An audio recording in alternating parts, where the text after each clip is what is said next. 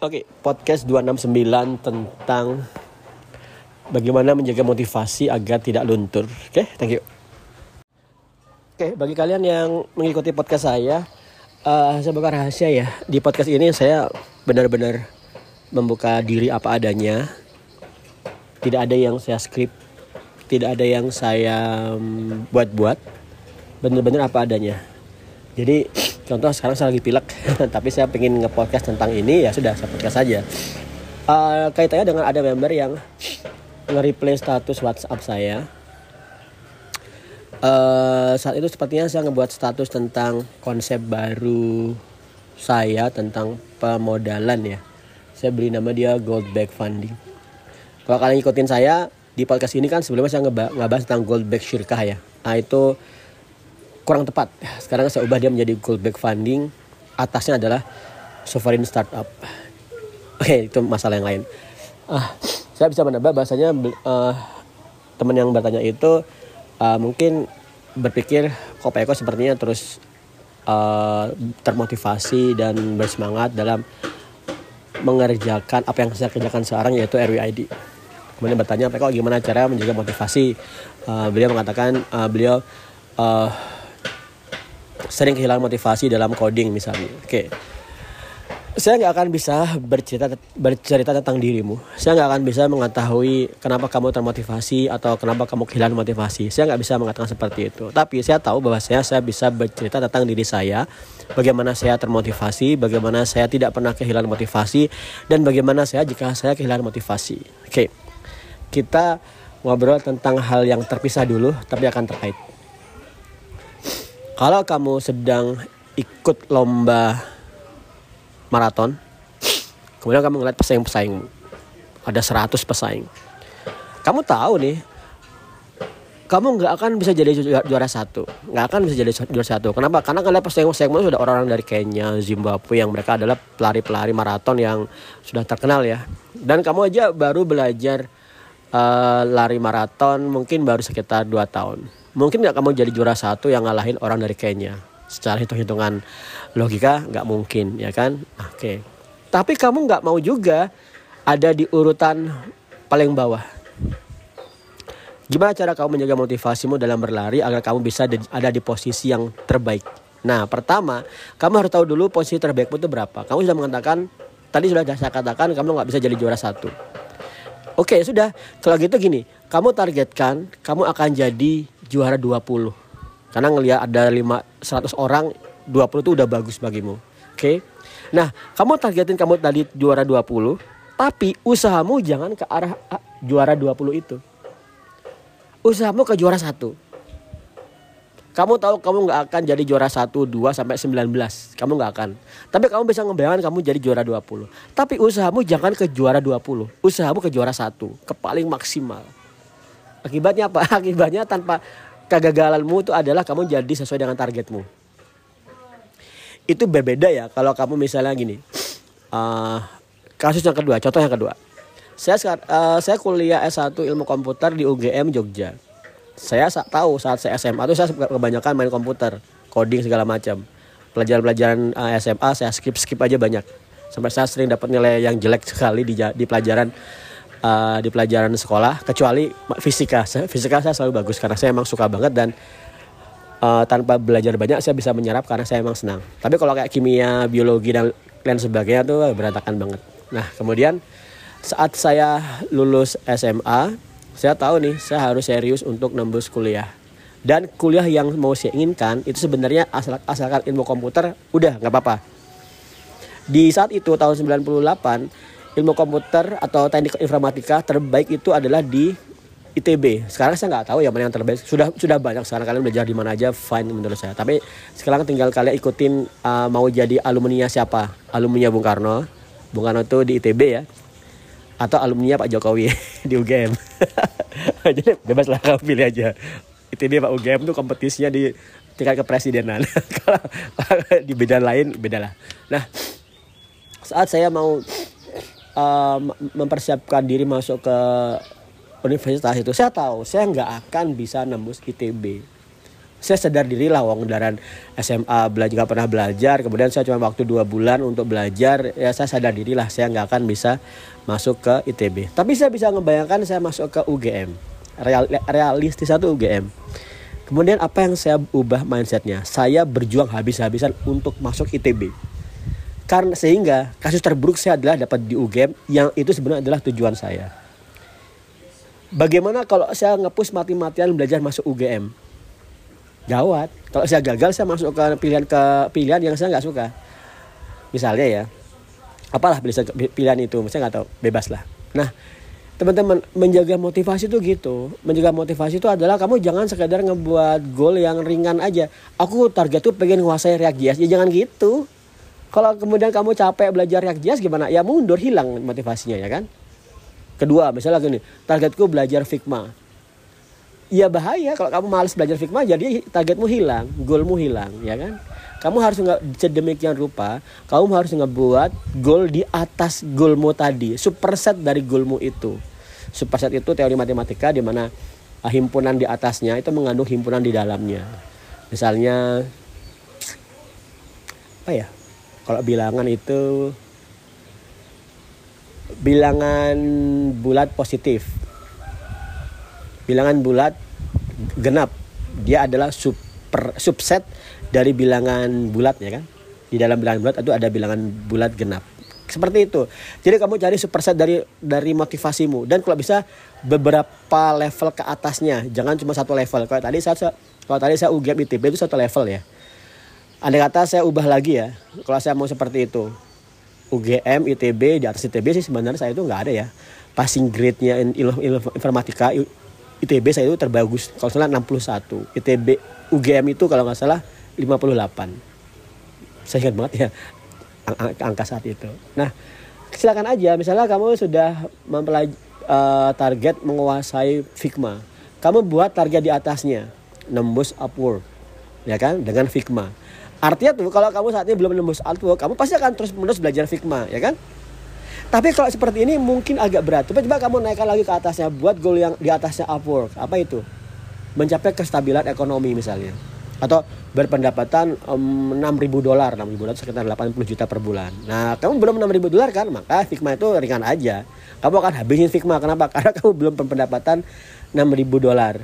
Kalau kamu sudah nembus Upwork gimana? Kamu nggak akan berhenti. Kenapa? Karena targetmu kamu baru nembus Upwork dan gajimu baru 2000 per dolar per bulan. Belum 6000. Kamu akan push sampai kamu enam ribu per bulan kalau udah enam ribu ya sudah kamu selesai wong goalmu cuma enam ribu per bulan ya kan semoga bisa dipahami ya dan ini terserah kalian kalian setup aja superset dari goalmu itu kamu setup agar motivasimu nggak hilang Nah oke okay, sekarang saya ceritakan kenapa saya termotivasi di Remote Worker Indonesia? Dan kamu melihat saya nggak pernah kehilangan semangat ya. Saya nggak pernah kehilangan semangat kecuali saat saya kena covid. Saat saya kena covid percayalah saya tuh pengen berhenti aja deh dari ngapa-ngapain awalnya tuh karena lagi sesak nafas ya. Tapi begitu covidnya hilang nggak semangat lagi.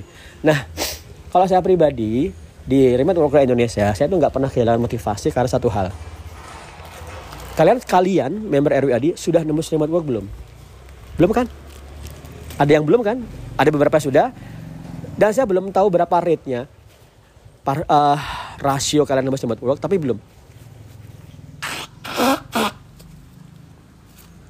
Karena member LAD juga berbeda-beda uh, sangat-sangat beragam ya. Dari yang masih SMK baru belajar. Jadi uh, membuat passing grade-nya rasio kelulusannya tidak semudah lulus dibagi total ya harusnya lulus dibagi yang udah siap karena yang masih belajar itu juga nggak akan nembus remote kan karena masih belajar nah Goal saya itu banyak, goal saya itu banyak banget. Di antaranya adalah kamu di RWID 100% nembus remote work. Belum kan, maka saya gak akan berhenti mengembangkan berbagai inovasi untuk kalian nembus remote work. Itu satu. Kedua, dalam konteks bernegara ya, saya ingin Indonesia itu benar-benar dipandang sebagai remote worker di dunia, mengalahkan India, Pakistan, Sri Lanka, Bangladesh, Filipina. Mungkin dia capek itu berat. Kenapa ya? Karena kan besar banget skala skala dunia kan skala dunia eh, berusaha membuat Indonesia menjadi mengalahkan dunia. Mungkin itu. Terlalu berlebihan nggak? Ya nggak apa-apa juga. Nggak ada salahnya kan namanya niat tuh nggak ada salahnya kan.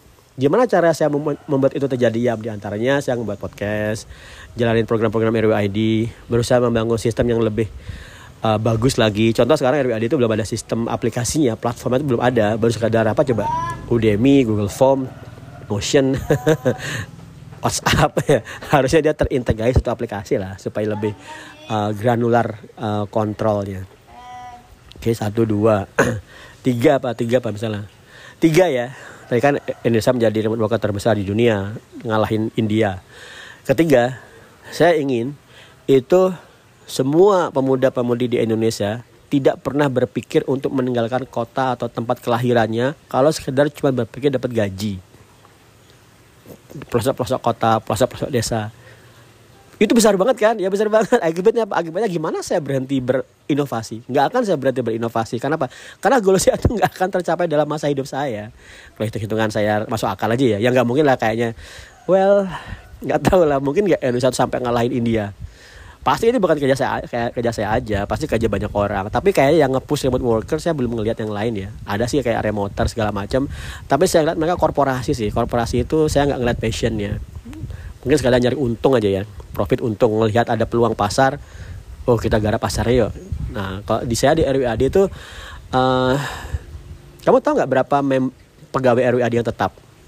Tiga dengan saya programmer uh, saya sebagai founder garap satu. Kemudian Mas Angga itu admin juga bagian finance dua. Tiga itu Mas Ageng bagian sosial media. Tiga tiga aja. Nggak ada segala macam dev segala macam itu nggak ada. Dev itu uh, dev mentor itu uh, by hourly aja ya. Jadi bukan pegawai tetap. Jadi kalau kalau ngelok kerjaan dibayar kalau nggak ya udah selesai.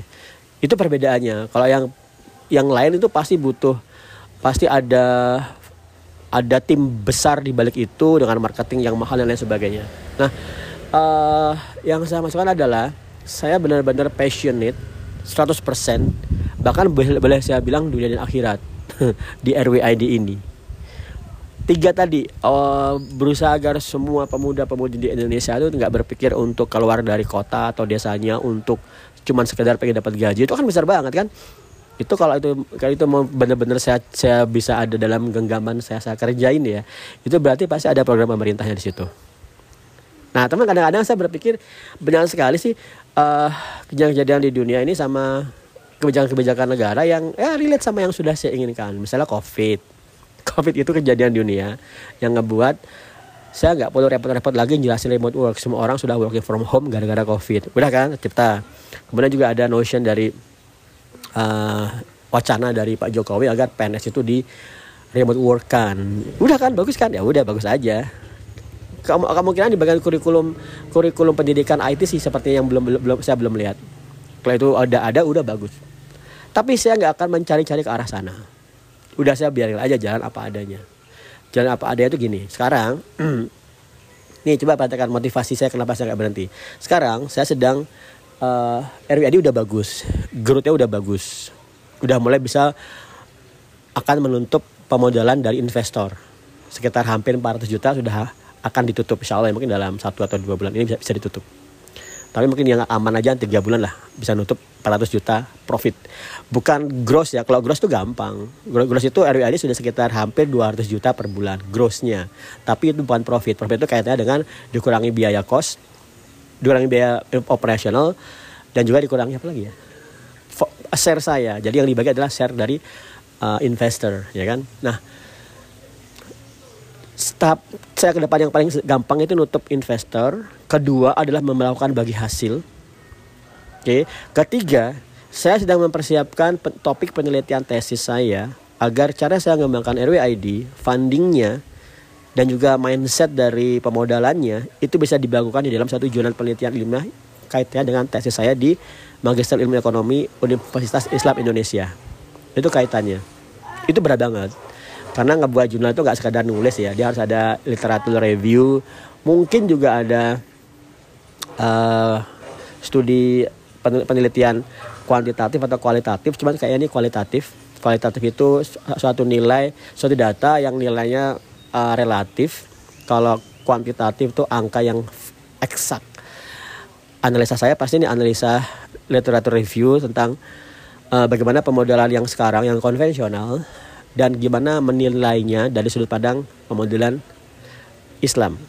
Uh, kenapa saya menggunakan pemodelan Islam? Karena menurut saya well mungkin udah ada di podcast podcast saya sebelumnya ya. Menurut saya pemodelan pemodelan yang pasar derivatif pasar sekunder itu enggak enggak banget. Meskipun sudah ada dari MUI uh, keputusan DSN DSN apa ya?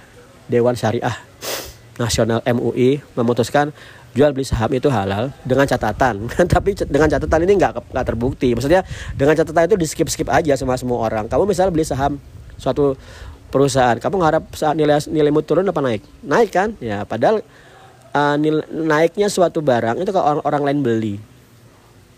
Dan kalau kamu jual, kamu ngambil tidak dari bagi hasil dari perusahaan itu, tapi dari nilai orang yang mem, uang orang yang masuk sebelumnya. Kalau bisa dipikir-pikir jadi jadi mirip seperti ponzi. Nah, uh, sorry lagi pilek. Itu salah satu bagian dari uh, yang ngebuat saya termotivasi. Itu berat. Kenapa? Itu karena akan melawan mainstream ya. Juga kayak mau melawan uh, berpos berseberangan dengan apa yang ditetapkan oleh MUI sebagai suatu halal. Halal beli jual beli saham itu halal dengan catatan.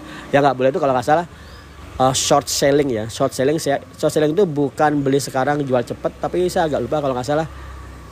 Silakan deh teman-teman yang saham ini, ini saya belum dalam pemodelan itu saya masih masih semester depan. Semester ini saya belum dapat tentang pemodelan oke okay. nah kemudian uh, apa yang saya susun akan menjadi hal yang baru, insya Allah ya, jadi hal yang baru. Dan menjadi hal yang baru itu tantangannya adalah satu, akan dikontra oleh status quo, status quo yang sudah ada sebelumnya, yang sekarang ini akan akan akan berdebat. Ah itu itu metode itu nggak bagus karena bla bla bla. Saya harus mempertahankan itu, ya kan? Mempertahankannya nggak asal ngotot, harus dengan teori, dasar teori dan juga literatur review yang sebelumnya. Kemudian yang yang ingin saya buat dia uh, checkmate, skakmat yang sempurna itu adalah saya ingin ngebangun platform blockchainnya. Kenapa blockchain? Karena blockchain itu sekarang misuse ya. Blockchain yang digunakan di kripto menurut saya itu misuse. Ini sama aja kayak saham di mana orang itu cuma um, uh, nge, apa namanya? Semua orang itu orang itu sekedar spekulasi nilainya naik terus beli supaya orang supaya orang yang lain spekulasi nilai naik dan ber, berspekulasi terus spekulasi di atas spekulasi di atas spekulasi itu nggak asik banget. Tapi kalau kripto, sorry, kalau blockchain dipakai di bagian pencatatan yang tidak bisa diubah, immutable dan transparent, dan distributed, nah itu baru bagus. Misalnya kalau ada, misalnya gini, pemodelan itu paling penting itu masalah kepercayaan investor kepada pemodal. Gimana cara memastikan pemodal itu tidak nilep sel? Sel itu misalnya nih ya, saya mau nilep 20 juta sel. Bisa aja uang catatannya ada di saya. Cuman saya tetap nyata itu semua di Google Sheet. Nah Google Sheet kan um, tergantung mas angga entry ya kan. Bisa aja mas angga entry salah atau sengaja atau enggak ya. Bisa 20 juta dicatat cuma 2 juta. Itu bisa aja ya kan? Nah tapi nah kalau jadi blockchain dan sistemnya terbuka konfigurasi atau aplikasinya source-nya terbuka orang akan tahu oh ada sel kemudian masuk ke sistem dibagi persentase RUAD sekian, persentase Pak Eko sekian, persentase uh, pemodal sekian. Kemudian diinformasikan ke lewat aplikasi mobilnya. Bra, jelas semua. Jebret, wah itu bagus. Itu yang mau saya bangun, itu panjang. Makanya goal saya itu panjang. Kenapa kalau kamu ikutin WhatsApp saya di 081 2 4 kali 1975 itu nomor WA saya.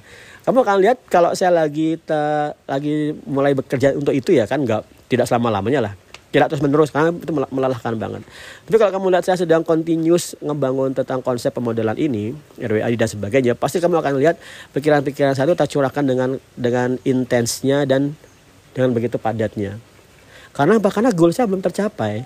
Goal saya itu belum tercapai. Kalau cuma pendapatan saya pingin sekian ratus juta per bulan, begitu tercapai saya akan berhenti kan? Uh, ah, RWAD ya tebakan saya ya, perkiraan saya, dia bisa akan mencapai satu, satu miliar per bulan dalam dua atau tiga bulan ini satu miliar per bulan dalam dua atau tiga bulan ini. Kalau sekarang dia udah 200 juta, ada malah kayak sudah hampir 300 juta per bulan. Tapi dia belum mencapai satu miliar per bulan, itu agak berat. Kalau saya ingin mencapai satu miliar per bulan, saya harus mempersiapkan diri saya dan tim untuk menghandle dengan banyak. Atau mungkin juga nggak perlu tim yang besar. Saya akan bangun sedemikian rupa agar handle uh, load system itu mudah terdistribusikan dengan saya aja itu bisa. Oke, okay, uh,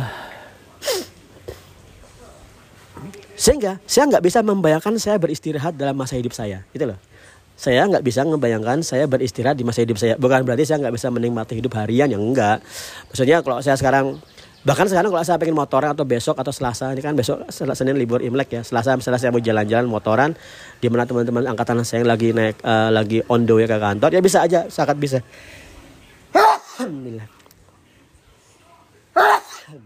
sangat bisa namun yang tidak akan mungkin saya pikirkan terjadi di masa hidup saya adalah saya berhenti berpikir untuk membesarkan bangsa Indonesia itulah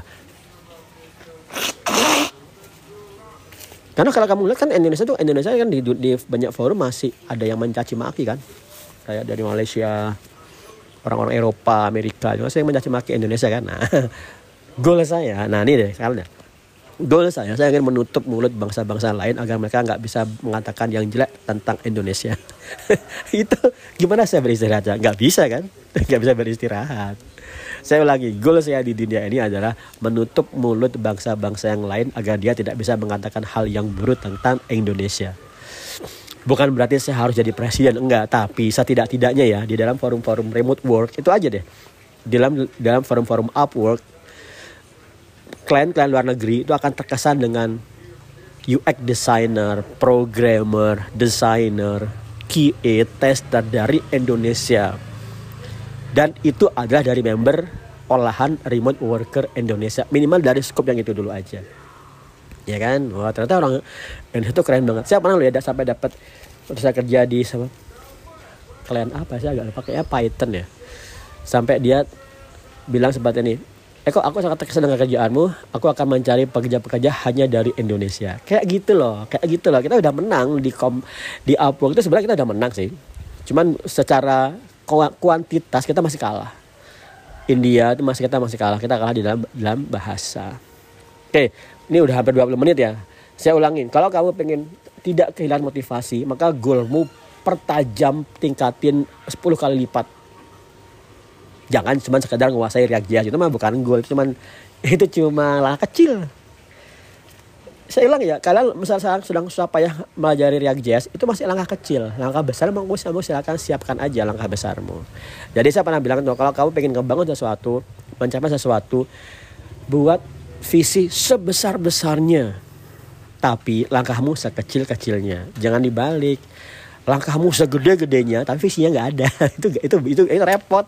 Ini kamu cuman uh, kamu akan ngerasa kamu melakukan hal yang besar padahal itu kecil banget. Nih langkah saya yang bayangkan tadi ya goal saya pengen menutup mulut bangsa-bangsa lain terhadap Indonesia. Itu besar banget.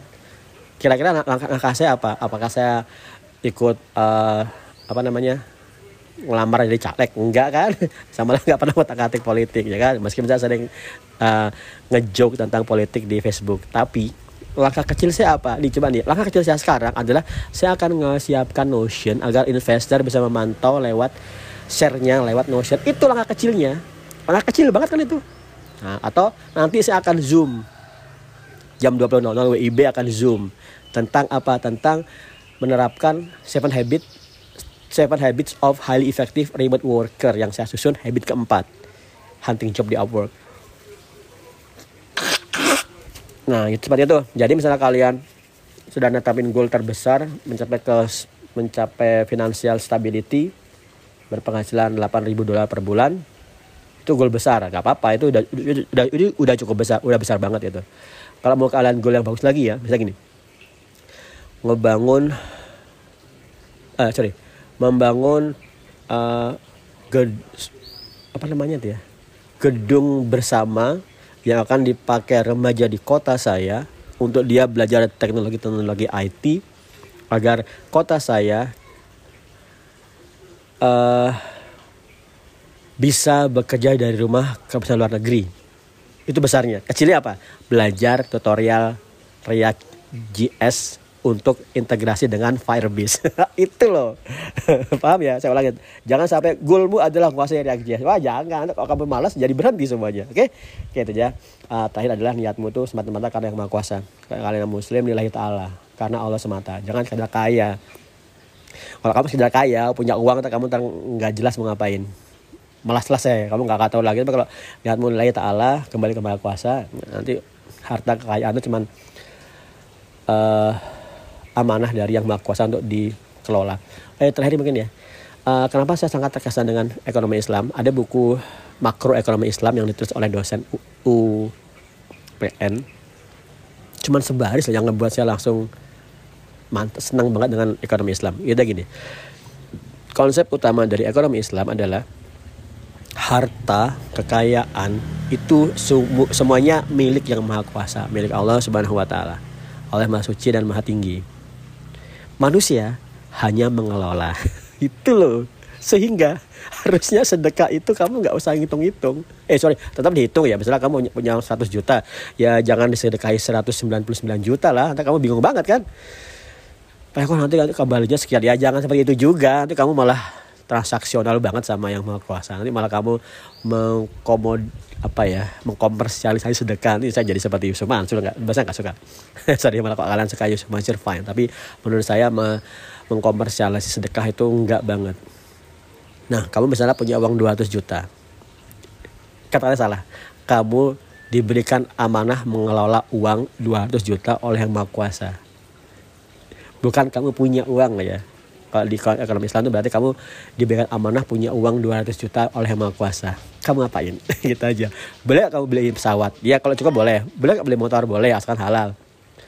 Terus boleh gak kamu bla bla bla gila? Nah boleh gak kamu sedekahin 20 juta? Hitung aja cukup gak mengurangi alokasi-alokasi yang lain dan operasional kebutuhanmu nggak? Cukup ya udah sedekahin 20 juta. Nggak apa-apa. Kebanyakan ya kok 20 juta per 200 juta itu adalah 10 persen ya kan? Nah. Kalau sedekah sebenarnya cuma dua setengah persen. Eh, zakat mal itu dua setengah persen. Ya sorry zakat itu topiknya lain lagi. Sedekah itu nggak ada batasnya. Kamu sedekahin semua juga boleh tapi tergantung dengan kemampuanmu. Jangan sampai sedekah habis-habisan kamu malah bingung. Seperti saya Dina Abu Bakar ya semua hartanya Umar tuh setengah. Waktu Umar mau tahu saya Abu Bakar semuanya kemudian Umar pingin semuanya kata Nabi Muhammad dicegah jangan. Kenapa? Karena tingkat imannya berbeda. Kalau saya sendiri ya saya sendiri nggak bisa ngebayangin sedekah sampai 50% mungkin ya? Bisa oh saya bisa ngebayangin. Ngebayangin aja ya eksekusi ya tahu. Tapi kalau nyedekahin 10% itu ringan. Ya seperti itu. Jadi harta itu milik yang maha kuasa manusia ngelola. Maka seharusnya kamu nggak punya perasaan keakuan terhadap hartamu. Hartamu misalnya hilang atau uh, kamu sudah kain banyak ya kamu nggak ngerasa karena ya itu bukan harta aku. Aku cuma mengelola aja. Dan aku berhak mendapatkan uh, manfaat pengelolaan harta itu. Ya itu misalnya kamu punya 200 juta kamu beliin uh, Honda Repsol CBR 250 cc tahun 2017 limited edition yang hanya 1000 ya boleh aja. Kan kamu itu hartanya halal dan kamu juga beli dari tempat yang halal kamu pakai tuh hal yang hal yang halal juga kan? Boleh aja sudah sedekah sudah sedekah belum sudah sedekah sehingga hartamu tetap orang yang lain dapat cipratan oke okay? gitu ya Oke, itu saya udah hampir 30 menit. Saya mau nyiapin untuk Zoom nanti malam. Selamat sore. Ini supaya saya nggak lupa nih hari Minggu tanggal berapa lah. 21 Januari 2023. Selamat sore. Assalamualaikum warahmatullahi wabarakatuh.